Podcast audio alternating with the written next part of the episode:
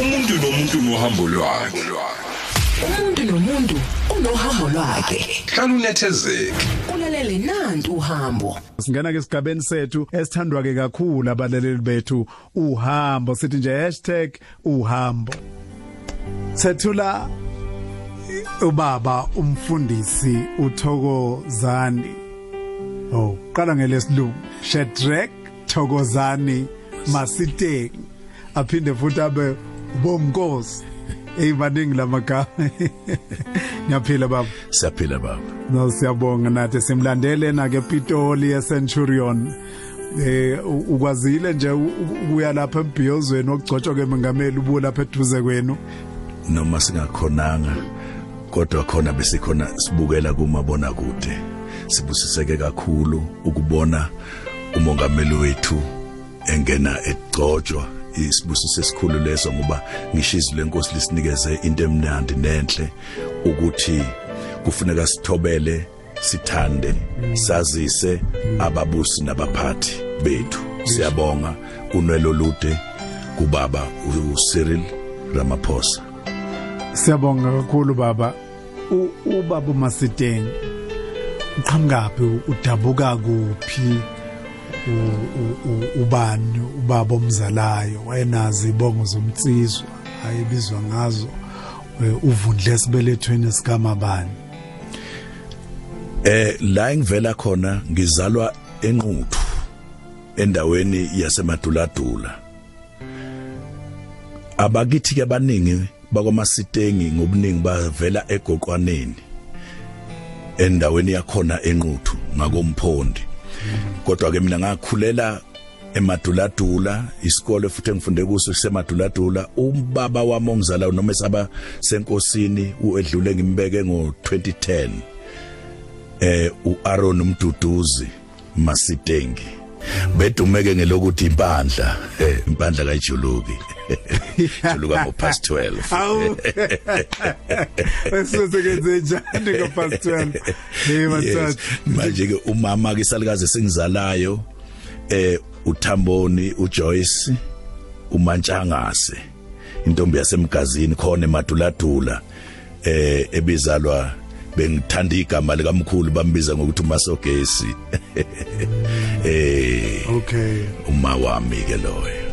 Umama nayena usekhona? Ukhona kumama. Ukhona. Nje impela ukhona. Silalele nje salukazi ah ngiyacabanga impela silalele la sikhona masingekho enkonzweni isalukazi zi ziyalikhulekela lolu hlelo. Yebo bese zihlala zilalela kunjalo sibolisa ukhulela ke kule ndawo yasemaduladula lapho ozalelwe khona. Wakhulela khona ubuncane bakho bonke wafunda khona igaba zamabanga aphansi naphezulu mayibe khona eh ngayiqala nje ibe ihamba kanje empilweni yami. Ngifunde emaduladula. Angizange ngiye kwenye indawo ngifunde khona eh ngoba angizange ngiqede isikole empilweni yami. Kusho ukuthi ngaba umuntu ogcine kumabanga aphansi. Kodwa engikufundile empilweni yomuntu ukuthi ngifunde ukuthi uNkulunkulu akabheki ubuso bomuntu. Abantu abaningi bangamangala umhlolo ukuthi uNkulunkulu uthatha impilo yami wayibeka kule level kodwa ngisuka lapha endaweni yasemaduladula ngafunda khona ngagcina khona futhi. And then after lokho ngakhula ngawumntwana ophile into ephilwa yibo bonke abafana abaphila endaweni bekhulile beyilokho. Isikole lesakithi besigcina ku standard 5 eh ngabe sengiyeka esikolweni ngoba ngangihlushwa ukugula lohlangothi lwami laluvele lufe ngakhoni ukuhamba lube lihlaza. Lesokunxele lesokunxele uNkulunkulu wabamkhulu angilibali ukuthi la kwaqala ukuthi ngisizakale khona ukuphila ngokuphelele ngoba njalo noma ngisafunda ngangithi ngifunda kuthi kuphakathi kufuneke ngishiye isikole. Sengiyagula njalo sengiyakhushulwa ngilethwe egoli sengiyagula kanjalo nje impilo yami yaba ncikinciki kanjalo. Wagcina wagcina ugcine kuliphika ibanga ngokwemfundo? Ngagcina kwa standard 4 ngiphasele ukuya kwa5 ila ngagcina khona. Angikwazi okunye. Awuzange udlulele phambili. Angizange sokwalisa ngidlulele phambili. Ubusemncane mangibhekile nje. Hayi ngale nga- ngaleso sikhathi bengimncane ngimncane ngimncane lento exakayo. Kodwa uNkulunkulu wabamkhulu manje wenza wenzani kulesi sikhathi ungafundi emncaneni bakho bungaka eh insuku zonke ngesikhathi ontanga yakho beye- beye- beya em, esikoleni. Usuke wenzani? Babe esikolweni kuthola kathi mina ngiyagula. Mase ngisindile ngiyabuya sengiba umfana nje osebenza ekhaya uthola ukuthi ngishonela phansi konquthu ngiyotheza izinkuni and ngiyabuya ngiyasika ngikhamanzi beyingekho enye into ebengisengiyenza empilweni yami. Beyimpilo yami yonke yaba lapho kodwa kwazoze kwaba khona le page yokuqala sekufika ivangeli empilweni yami. Uneminyaka emingaki lapho? Lapho impela cishe bengiya ko 20 ngaleso sikhathi makufika ivangeli. Ekubeni lifike ngo1976 ngo6 uElsafina owashumayela endaweni yakithi washumayela waseyahamba. Wanyamalala kusuka lapho ngabo 79 ya ngathi lento kuyacisha. Ngo ngo- ngama 80s early kwazofika inceke yenkosi ubaba madlala washumayela ivangeli. Kwayila kwavuseka lento ngoba yila engabona khona ngisasisenkonzweni emancubeni. Ngiphansi kwetafula ngiye nje sihamba singamagenge ukuthi si- sifuna ukubheka lo baba lo shumayela insindiso la othi kuyahlukwana nesono. Ngafika ke mina ngangena ngaphansi kwetafula ngahlala ukucupha ukuthi cha kufuneka abanjwe ngamawashing. Kanti ila inkosi izothatha indawo phekwempilo yami. Kwaba ukusindiswa kwami ke kwaba ukuphenduka kwami ke ngaleyo nkathi.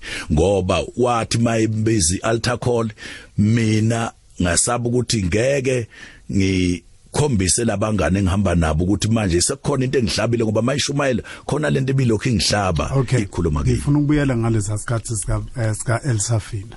Yebo wami ngesikhathi eh, u u- Elsafina lo waye umama Waye umama. into inkosi inkosazana. Kwaku sister. Oh, sister Elsafina. Ah. yes wayishumayela wahlala ehlala emzini okwazungani ephinda ayohlala kwakhanyi isikhathi esiningi. Shumayela ivangeli umphopotho okay. wevangeli.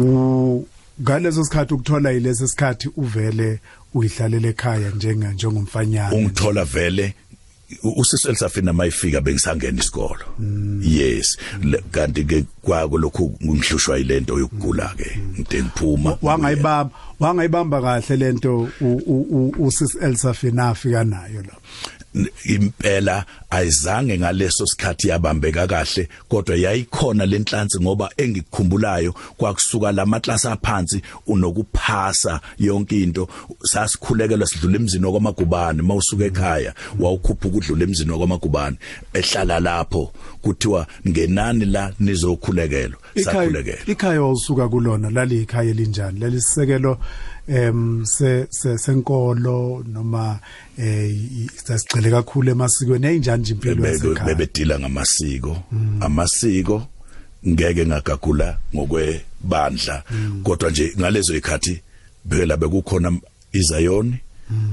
Ekhaya vele mina ngikhule ngisayoni sishaya isikhalango and then kube amasheshi namaroma ngakithi netopia la e- ekwamagubane la befikele khona siselisafina bokuse matopiyeni bekwamatopia bengamatopia Okay. So so ekhaya ibingekho kangakanani nakuba besikholwa. Ngiyacabanga nje ngaleso sikhathi kodwa i i- i inhlese nokujula okupheleleyo ezwini likaNkuluNkulu kwakungeyona into ongathi i strong ekhaya. umuntu ebekiyaye ngimbone ebejule kakhulu baba wami she ubaba beze eze umfundisi. Uyeke impela ubethi mayifikile asilali kuyonqamlelwa ngeenyawo kuyiwe kude noma ngabe kuyiwa komphondi noma kuyiwa kothelezini noma kuyiwa kuphi emlindelweni. Yeah. ubaba ubevele ekhonza ngokuphelele. Eh uhamba nje ngalesi sikhathi eh ngiyacabanga nje ukuthi wawuse wawuyisilenda kunalokho. Eh. ungene ejazini lakho sultashile kwase kudashwa ngaleso sikhathi. Kakhulu. Awu, bu- butasha nje nawe. kodwa bengibona kakhulu ababe besegoli ngoba mina kimi ugogo wami uMadlamini wayeza buye kuthandazele nabantu. Babegqoka ingubo sometimes umthotho yena kade ashanga nje angikhumbule dasha ugogo Evele elihle. ayithathe nje afake Ah, ijazi uthatha nje lakhe. seyokhulekela. Eh kusaphatha is- isikhali shaya isigubhu. Cha cha cha cha. Wayengadashi lutho. Ababetasha kwaku abasegoli. Kodwa unale lakho? Yebo futhi impucuko ngangina yaqale khona awunalo ke lakho. Futhi ke ngangisilenda mina ngaphezulu kwakho. Eh, ngaphansi. Impela unga- ungathuswa nje lokhu kubona lo mkhabana osukhona. Cha hayi ngangisilenda impela. Okay. U- i- i- i- uyakhumbula nge- kuno blue kuno green kuno white. Lali blue la lali blue la ngaqala ngelimhlophe ngase nginikwe eli- blue. La la elali nesiphambano la ngemuva. Esikhulu. Esikhulu esasibheke phansi. Yeah nesikhali sakho. Nesikhali sami. Ngiyathanda ukuthi u angifuni sisuse le excitement lo lo- le leyanto yobungane Yeah, benu yeah. ikhathi zenu Yeah. eh uma niyokhonza lapha yana niyintsha ngoba u- u- uhambo luhle ngokuthi usinikeze lezo ikhathi lezo kwesinye isikhathi nawe ubuso uyikhohliwe eh ukuyikhumbula nje lezo ikhathi ngiyanicabanga nje eh, niyabafanyana ninqamlela. Ngoba phela inyo futhi esasiqamulela kakhulu naye kukhona um- umzawa wami okuthiwa usayi wakwaNtshangase hayi ube ube ngasali la ngisuke ngiyakhona ngoba besihamba siyoshona komphondi siyoshona e- ethelezini komvunyane indawo besihamba ngemlindelo eh nakomagongoloza nakomagongoloza sihamba inkonzo lapho. Eh ayi kumnandi makhanjwa into emnandi kakhulu ukushaya isikhalanga ku round weke indlela yonke ke lena ke awu ku- ku- kuyisibusiso khona lokho sasithanda nje lokho. Thina sasijabulela lokho ngoba yayi insindisi bingekho ngaleso sikhathi. ngaleso sikhathi. Yebo ba eh kufika u- u- usister uElsafina nje eh wenza njani ke mayifika nenza njani? Ufika uzoshumayela leli ivangeli nilemukela kanjani? Ngiyacabanga ukuthi ufika nento yintsha anijwayele ngoba phela siphila ngenye indlela futhi ke sikhonza ngenye indlela ngaleso sikhathi. Uma efika usisel safina ufike wazoshumayela ngakithi. Okokuqala nje kwakusimangaza usisi lo owayintombi into ene uma qhamuka obhuti ababebuya kwaTepa befikile bevele egoli. Befakela amabhruku abama aphakeme. Kwesikhathi abanye bedla amaball bottom bethi bayokweshela vela guqe phansi. Kwakusimangaza ke lokho. Oh obo insizwe maze zosho mazithi ziyeshela avela zithi thandaze ngesikhathi zithi dudlu avela guqe phansi ngedolo angamthuka angaphikisani naye. Uyovuka ubhuti nesikhwama samaswidi nesagili sidonkani sakhe uhambile ubalekile. uthi babecaka ukuthi hawu lentombi kwenze njani? Eh kanti no Jesu nje intombi. Yeah. and then ke uthe mayifike sipha lo Jesu mina engakumukela kunento eyamangaza usisesafina into engazange isuke engakazi isuke namhlanje wakhuluma izwi elingazange lasuka ukuthi ngicela nibancane ninje thatha uJesu umenze afane nesihlahla. Enhlizweni yakho. Manje njalo ngifune lento ukuthi uJesu ngizomenza kanjani afane nesihlahla amile ngaphakathi enhlizweni yami. Kanti lento izokwenzeka ngenye indlela. uNkulunkulu wayesenza umusa. Wa wanikeza lo sisi i- i- u- um- ubuchopho bokuthi athathe ithini athathe nebhodlela enze atshale isithombo. Ila engesabona khona olesi sithombo usithathe wasifaka wasivalela la. Mayifaka lembewu iyafa ibune. E- eqaleni into ezoyenza ubona iqalisa impande eqala anduba izoqala ifuna ukuya phezulu. Mayisiya phezulu seyidabula umhlabathi. Konke leyo nto mayikhuluma ngalento usisi enhlizweni yami ngithi mina Jesu njalo nje into engangiyikhuluma ngithi Jesu ngicela ungene umile njengesihlahla enhlizweni yami. Ngoba akukho kunye okungisiza ngiyacabanga ukuthi kwaba ukuchallenge kwami uNkulunkulu ngaleso sikhathi ukuthi uNkulunkulu ngimncane angihambele kusukela kuleso sikhathi noma ngabe endleleni ngahamba ngahluleka ukuqhubeka ngoba ayingasekho ngangafuna okunye. Ngikhumbula ukuthi noma babekhona abanye akhona amanye amasonto ensindise khona ethe qwayiqwayi kodwa nje indaba kuhamba kaSisu Elsafina yayingilimazile ngoba ngangizwa into ethize and nasesikolweni kwaqhaqha umqondo wami ngaphasa nje. Bakhona yena abantu ngesikhathi kufika usis Elsafina lapha endaweni? Enani babona ukuthi ey bayibambile le yanto kasis Elsafina ogogo unzungana ngiyacabanga ukuthi uswaba senkosini. Ugogo unzungana akukhona ogogo nzungana odadewethu ababekhonza obhuti othusho nqobi babekhona kuculwa kune youth kunani nathi sikhona lapho. Singabasha kodwa sibancane thina bebadala bona. Omuntu osistophi osimangele abantu abanye abasesekhona namanje.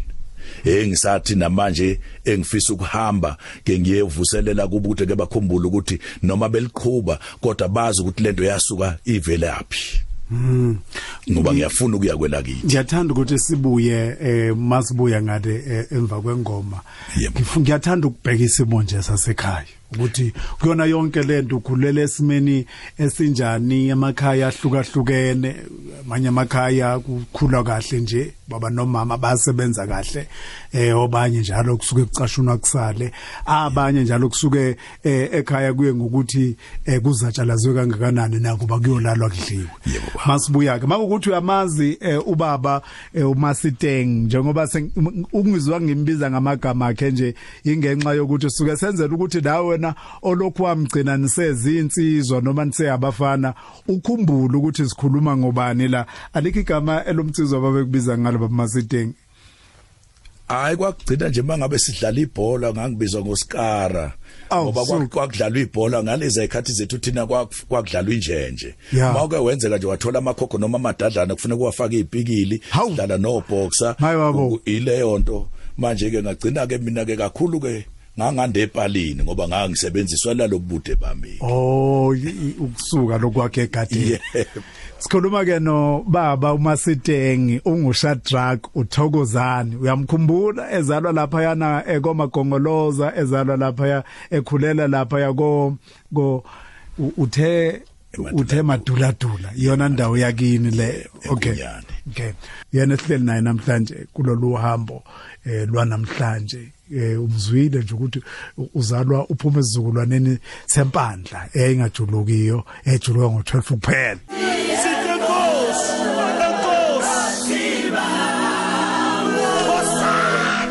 Ngufakazi oqanda ikhanda la ku Andile kaMajola ukuthi ungumakade ehamba nathi ngufakazi eh, ongama athi uyahamba nabantu nguNkulunkulu onjalo uNkulunkulu omuhle othembekile imihla yonke. Uthembeke ikhathi zonke. Jeremiah 1 verse 5 uthi wasazi singakabikho ngisho emhlabeni singakahlali ngisho ebelethweni zabazali bethu. Kodwa yena wayesesazi. Hey, sikhuluma ke nobaba uMasiteng. Ngiyabona ukuthi ubaba uMasiteng uma uthi wake wabamncane okudlula mina. Yebo. Eh kodwa umusunga kusho ukuthi nami kusazolunga. hayi usazolunga she Ngizofika la. yebo. E- Ekhaya isimo sasekhaya sinjani uma ungasichazela nje? isimo sasekhaya anginawo amahloni ngalokhu shenge ngiye ngithanda uku- ngi- ngaso sonke isikhathi la ngihamba khona. Ngiye ngiwadlulisela amazwi kufana nokuthi noma ngiluleka umuntu ngiye ngithi noma ngabe uphuma ekhaya elinjani musu kuzenyeza ngalo. Noma ngabe uzalwa abazali bengafundanga noma ngabe bebebheke eceleni kunezinto mhlawumbe ubona ukuthi zibe ukwehluleka wena vela uzoba isibane ekhaya lakini futhi ungabi namahloni. Anginamahloni ukuthi ngiphume lapha abazi kahle ekhaya kithi basemaduladula bayazi bekuyikhaya lempofu nje straight. Ngoba akaze kube yikhaya ebelingcono eh ngiye ngenze njalo umzekelo ngithi uNkulunkulu uwenza umusa ungibusise.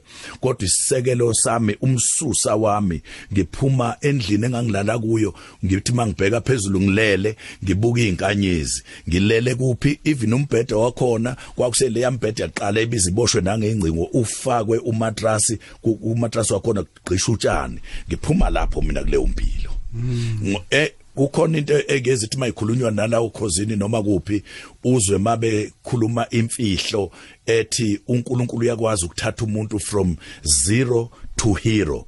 Ngiwufakazi walokho ukuthi emaduladula ukhona uzero ogcine seyihero wakhona emaduladula okhulele enkunyane umfana okhule ethwala umgqomo ayokha amanzi emfuleni akhuphule umgqomo ngikhuphuke nogogo wami unomadibu umakhumala intombi yasemantungweni ngithuthezela amanzi. Ikhaya lakithi nje alikaze kukonke alikaze libe right. Kodwa sasiphila. Ubaba mezama yonke indlela enza wonke imizamo kodwa kwakungekho lokho uyabo buvilivili noma nobungcono. Niba ngakunjalo ekhaya nizelwe nje silishumi ekhaya. Ba- yimi oqala ekhaya. Oh, net bashona abase bon aba- abasemva kwami. Umfowethu wokuqala osemva kwami uDisemba washona nophila ngokwakhe. Kwase kuma intombazane yakwethu Sindi naye ngimncwabe ngo 2013 eh kwase kuzoshona futhi olamu Sindi. Emva kwalokho ke no ba- baphila ke njengoba beze oshonile umfana ngo2009 ngamncwaba egoli.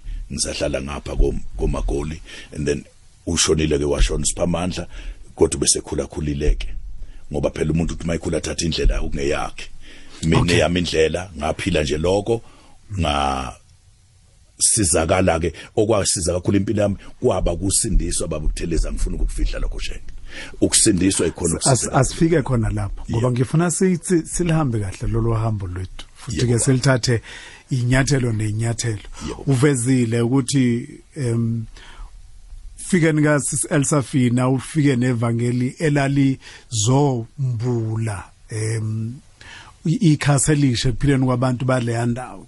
Kodwa njengokuthi beniyintsha eh unaqhubeka uku- uku- ukuphila ngendlela ejwayelekile ubalule ukuthi kwase kufika ubaba uMadlala.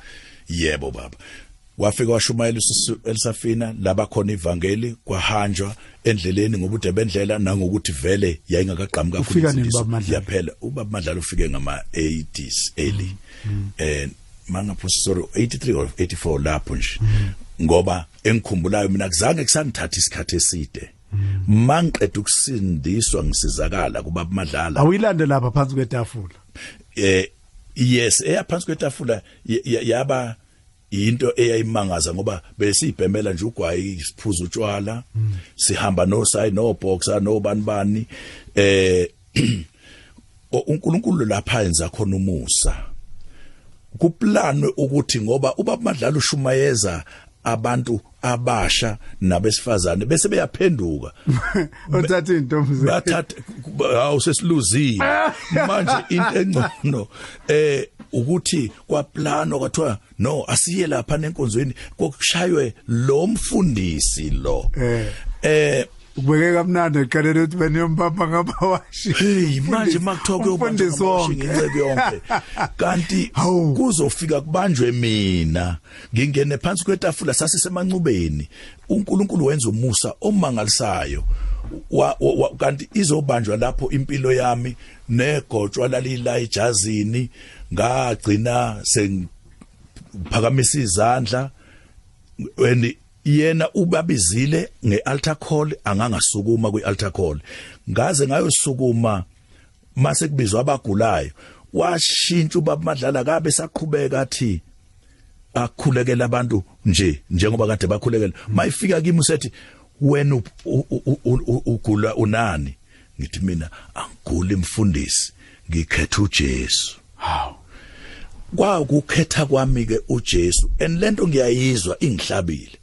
Kanti na before masilokusiza la lesiyasifo sohlangothi ngokuattenda ngokuattenda engakangikhulekeli ngokuattenda nje silokusiza. Bese ngisindile sengiyanqena manje ukuthi ngiyishe ekhaya ukuthi hayi ngiyeza ukuthi kunomahluko ukusinda ngoba indlela engangigula ngayo kwakuze kuthiwa ngiyeke inwele zizogundwa ngembuzi. Manje ngibona ukuthi leya nyama yembuzi izosiluza. Kungcono ngilokhu ngiclaim ukugula noma sengizwa ukuthi cha sengisindile empilweni yami. Kanti uNkulunkulu uzongenzela umuso omangalisayo. After lokho wa- wa- wa- wamisa umhlabelelo wabamisa usisi sidudla wathi no malini Wa- babama ukucula omama usilenda ngisakhumbula nje izalukazi zami sasihamba nazo. Nezinye ke sezaba senkosini omamkhulu basemancubeni. uNkulunkulu wenza umusa yangikhulekela inceke kaNkulunkulu. Wa- wa- wathi mayibamisa ukucula wathi hayi akaguli lo. Lo ukhetha uJesu. Okay lungile. Kukhona aba aba esinabo lapha na encingweni uyasho la u-technical producer wami. Eh sibona ukuthi es- esibaphethe lapho nosihle? Ngiyabingelela egameni likajesu bazalwane ngikhuluma nomama ubutheleze nguthu. Hawu ungathi mama omeda nje. Uyena ubakithi ngaze ngajabula ukuze umasiki naye surprise oh yiye ngaze madoda. Ngajabula ukuze ubamasitengo webantu ngiyamazi.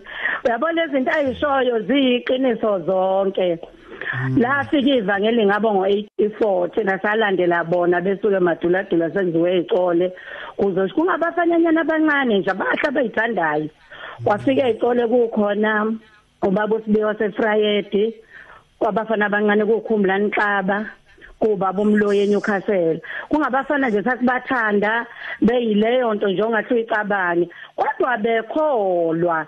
Uyabona ke bona labathola ivangeli bakholwa ngempela bazange badlali manje ngifuna ukuthi ngiyamazi baba Masiteng baba Masiteng ngiyakubingelela sengikhohle nokukubingelela. Ngiya- ngiyavuma ngiyavuma mama Eh, ngezwe injabulo baba ngezwe injabulo ngijabule. Siyambonga uNkulunkulu ngawe ukuthi eh Nkosi kusuka nje ekuqaleni uNkulunkulu akuthola ahambe nawe. Futhi eh we- we- wesibu ngiyamangala manje ngabethu bamasitenga akafundile. Angeke ukukhuluma izindisi njengoba bamasitenga simanga angeke usikhulume isibhunu njengoba bamasitenga uNkulunkulu kusho ukuthi umgcobile umphila ngifuna ukuqamba na ngeke nje uzohlale naye etafuleni. Hayi ngeke ngeke ngeke ngeke ngeke. Siyabonga kakhulu. ungifundisile yebo Siya- siya- siyabonga kakhulu mama siyabonga kakhulu mama ubuthelezi siyabonga siyamthanda bo. Amen. Ngiyabonga nami ngiyanthanda enquthu ngiyabonga. Indumiso nosibukhelisi. Suzwile-ke ngempela njengoba usuzwile ukuthi-ke indumiso nosibubuthelezi sikethulela-ke yona njalo nje ngesonto eh, ekuseni ngehora lesishagalombili kuze-ke kuyoba i- kuyogamanxa ihora eh, leshumi nomuva Umuntu nomuntu nohambo lwakhe. umuntu nomuntu unohambo lwakhe Hlala unethezeke. ulalele nanti uhambo likababa-ke umasetenge kuyena esikhuluma naye namhlanje ukuthi azokwabelana nathi ngohambo eh lwakhe nosihle ngicabanga ukuthi mhlambe singaya ku eh, kuma voice notes siza ukuthi obani esibatholayo abangathanda ukuthi basazise ngempilo kababa umasitenge Hello. Yeah, oh okay okay ngiyakwena baba ngiyakhumbula ukuthi ubukade ulahlekile ekuqaleni khuluma nobani Eh ukhuluma nobaba Zulu she. ndaba ezitha umazi kanjani Eh. baba umasitenge Hey, sheke leyo ndoda bekumakhelana wami lapha eFosloras. oh Eh umakhelana wami phela uyangathi uzongikhumbula. Hawu uNkulunkulu wasisiza sonke. Eh sasine zangoma uzobulanda umlando uma uyakhumbula. Kodwa ngimazi kakhulu baba lo. Bale sengilahlekela kodwa bamasiteni sabona. sanibona ndaba ezitha njani mntwane Ngiyaphila njani wena? ngiyaphila makhe Awu wawusiyangilahlekela phela sengibuza sokhuluma emsakazweni ngithi awu nangumakhelana wami madoda. Ngiyakhumbula nangesikhathi sihlu baba nje ngangisasisonke. awu awu awu awu awu kakhulu kakhulu Hayi ngiyabonga baba noma sekudala ngasakuboni. Namanje nje ngiyenkonzweni. Manje Awu, ngidala Nkosi ngaphambi kokuthi ngene yithi ngikuthinte. Ngibonga kakhulu and kimina kuyisibusiso lona ke babushenge umakhelwane wami eFosters la bengihlala khona la eng- engize ngasuka khona ngabo 2014 okuyayi kuyisibusiso kibi nje obekhuluma ngezangoma umntwana wakhe wayesangoma umntwana wakhe wasindiswa namhlanje uphethe ibandla.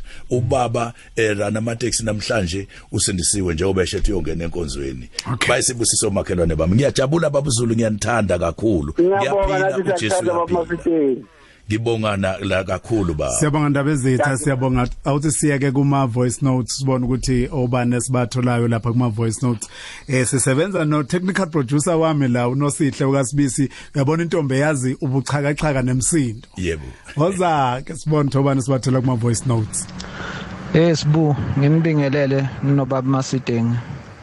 Usifiso lokhulumayo uGamede uzomkhumbula ubaba Sinting. Eh ubaba ngiyamazi angikhulanga naye ngifikele kuye la eGoli. nginemoto nje bengirenka ngayo. Hayi ungikhulisele baba uzoyikhumbula imoto yami bekuyicorolla. Bengimhambisa ngayo esontweni nje. Ey'ntweni ey'ningi nje ungifundisile nempilo ukuthi indoda iphila kanjani? Uzongikhumbula nje mangithi usifiso welocal hayi ungiphilisele babusitini ngiyabonga. Ngiyamkhumbula isifiso uyamkhumbula ah ngiyamkhumbula isifiso yes hawu madoda yes. siyabonga kakhulu sifiso Uthi- uthi wayehamba kusho ukuthi wayehamba nge- nge- nge- ngenkawu ngephela Oh. iphela bekubizwa ngephela Oh iCorolla yakhe. Okay. Phela. omunye ke sibone isifiso. ukuthi ubani omunye simtholayo. Okay. Sanibonani bhuti sibuko khosini uthulwa kwamagubane hayi ubhuthozani mina ngimazi impela yabona nje bebabala nje ethi ekhaya kwamagubane baba amatopi edlula khona sasiyingane sikhulela kubo bekholwa noma mfisa kuphi nokokubami kokukhanyi ngimazi impela lo bhuti bengazi nokuthi usaphila njani bhuthozani ngiyaphila kakhulu. Hey madoda. Bekuyi voice note ke nokho eh yayihle lento yabona ke kusho ukuthi ngisho kwi voice note uyazi umuntu ukuthi cha phela ngikhuluma nomuntu ophela ungakazi ukuthi eh akuphendule. Siyabonga kakhulu. Ukuthi uqhamuka lapha ema- egcekeni la la kwabagubane lapho kwakufikele khona usisi Elsafini hawu madoda. kwakuyikhaya lakwamagubane eh babushenge one day ngisafisa nje ukuthi ngizonimema neukhozi Mm. ngesiye ngif lo muzi nje kwamagubane eh unesibusiso Mm. ngoba ingceku beyifikela khona and umama umme sasimbiza mme umama wobaba magubane sabayiphoyisa uhlala edandi eh wasenquthu khona into engiyangiyithanda wa- wafaka into yokuthi sigcine sithola lokhu kuphile sinakho ngoba even ukufika kababa madlala ngihlala ngithi mangitshela umfowethu magubane eh uCyril ngithi mina are you aware ukuthi uNkulunkulu senzele umusa ngoma wakho umme. Ngokushona kwakhe lithi izwi lenkosi ngokufa kwenkosi uIziya awungayibona inkosi. Nami ngiya ngimbonga uNkulunkulu ngoba ubaba madlala uqala ukufika kwakhe ezozenyathele maduladula weza ngoba ezongcwaba umme umama magubane. Okay. Kwakusizakala kwethu. Okay. Mzwileke undaba ezetha no baba Masidenge ngesikhathi bekubalula eh lapha yana ku- ku- ku- kungabi ukuthi indlebe yakhe kwamukele kabi mabekhuluma ukuthi kwakune? Sangoma sagcina sesi eh sesiphendukile sasephethe ibandla manje. Abakusho kabi bakwethu ngoba ke eh, kwesinye isikhathi thina njengomsakazo abanye kube sengazi ukuthi awusesizokuzwakale kabi komunye umuntu. Siyabazi ukuthi abantu umuntu nomuntu eh, uya evolve baba Masideng yaguquguquka njengoba ushilo nje nawe uthi wake waba waqala esiyonini waba kuphi kuphi nami nje kuningi engingakusho eh umuntu ke kuphileni uyaguquguquka eh abe yilokhu kusasa eh abe yilokhu namhlanje kusasa abe yilokhu. Sihleli ke nobaba uMasideng njengoba sibheka uhambo eh lwempilo yakhe. Ngi- ngi- ngifuna ukuthi siye ngomeni manje kodwa ngiyathanda masibuya usithathe us- usise lapho impilo yakho ishintsha khona. Yebo baba. Ngoba ngiyazi ukuthi emva kokuthi ubaba uMadlala eshumayelile niye naba abanye abantu ababezisebenzi zenkosi kuleso sikhathi. Ngiyathanda uthathe eh, usinikeze leso sithombe leso nokuthi kusukuphi manje. Yebo, baba baba. Masiteng lungile kulalele uhambo kulolu suku lwanamhlanje sikhuluma ke nobaba uMasitenge sikhuluma naye. Kuhlala ke la ePitoli umzwile uthi iningi indawo asedlule kuzo ko Fostoras uhlalile khona. Uzalwa ke lapha enquthu emaduladula njengoba kade kufakaza lokho eh benomama eh, uOmeida lapha yana besho ukuthi bayamazi esakhula ebufaneni bakhe. Okay sibona ukuthi khona enye inu voice note esithola ngiyanibingelela okhosini eh kumayelana nobaba Masiteng lo khulumayo uShedrack. Mina ngohlengiwe umzala wakhe besihlala naye sonke emaduladula kodwa thina sesisenyo castle ngiyamazi kakhulu umntaka Antwamike wow. u Mr Masiteng. Hawo yona kwaze wangena nezihlobo ke manje baba Masitenge mntaka malume sibanga sikathixo oluthulisa nje ulwandle luthule luthi du duma imkokustada athi athulandle luyamlalela. Sho kanjalo sibheka uhambo luka baba uMasiteng baMasiteng u emva kokuthi ubaba uMadlala efikile ngiyazi ukuthi ngake ngezwe futhi kwenye umlando wakho ukuthi niphinde nasebenza futhi eh ukuhambisa lezi indaba ezinhle. Kafushane nje ubususitshela ukuthi waze wagcina ishintshe kanjani impilo yakho kuba lapho khona manje? Eh ngenxa yesikhathi isikhathi esinaso si- si-short indaba yami inde kakhulu kodwa nje ngizonqamulela baba ngizonqamula nje emakhanda Ngi- ngizoyiyeka le emuva ekuphendukeni ngoba sengikhulume kaphi ngakuphinda phinda. Ngibonga uNkulunkulu kuba madlala ngaphila ngasizakala lapho. Nansi into eyenzeka ubaba wabe sengithuma wathi awuhambi yezicolo ngeke ngaye izicolo njengoba ngijabulela ukuthi kade kungena uOm Ada ngaya kwezicolo mangikhumbula nje kunekhehla ubaba u- ukhehla o- wase wase- wakwayicole eh, ubani babukhoza not babukhoza u khona lo munye ubaba osempunga. Hayi babundlovu ubaba uNdlovu uhlala ethi mayenza ubufakazi athi umuntu owangishumayeza ngifikile ehlala kwami ngihlala ngenzela umamdletshe ukudla ngihlala kwakhe ngiyumfanyana ngizo- ngizoshumayela ngithunywe ubaba. Eh waphenduka lapha ebuya emsebenzini esebenza isikole ubaba uNdlovu ngiyakuthanda lokho hayi uyaye ngakufihli lokho. Athi ngaphenduka kushumayela lo mfana.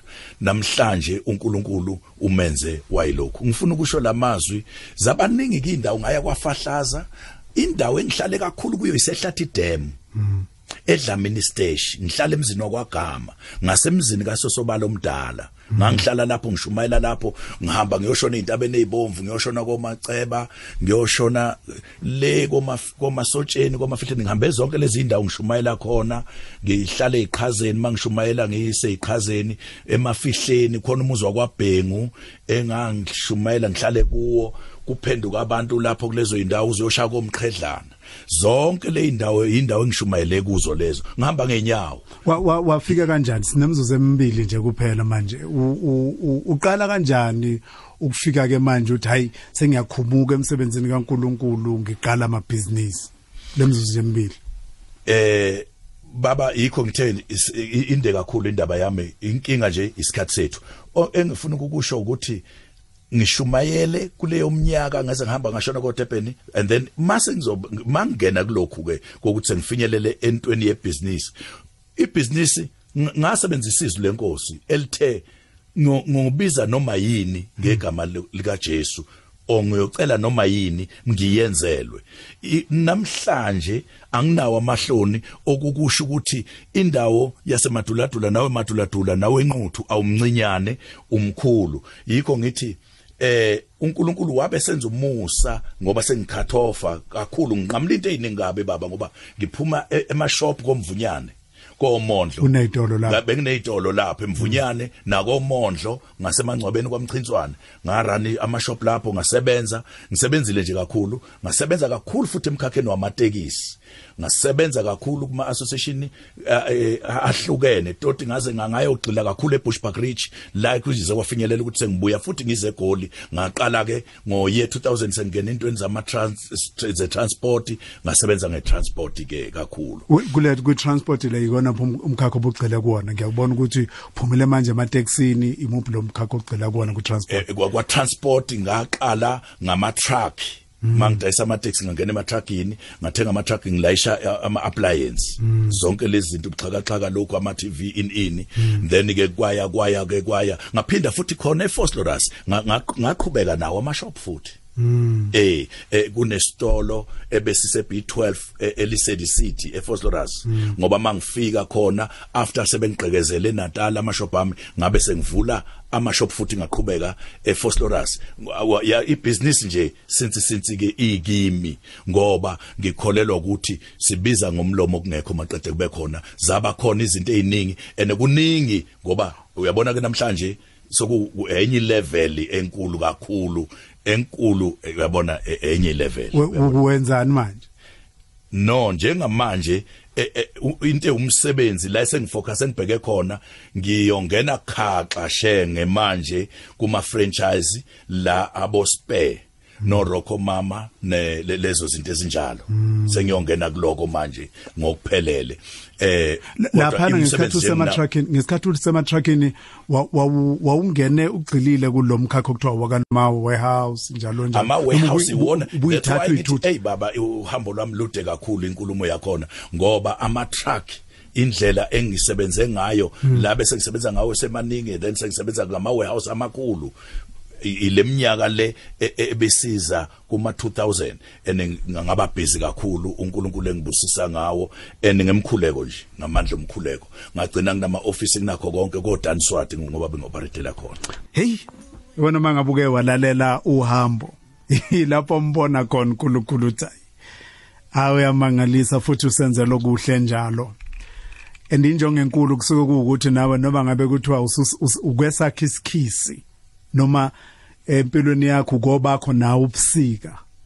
Kodwa ukuletha abantu abafana nobaba Masitengo ukwenza ubone ukuthi liyofika ihlobo nakuwe. Mm, uyohleka nawe njengoba kade kusho uthina. Siyofika nawe isikhathi eh esihle. Baba Masiteng siyayibongela kakhulu isikhathi osiphe sona.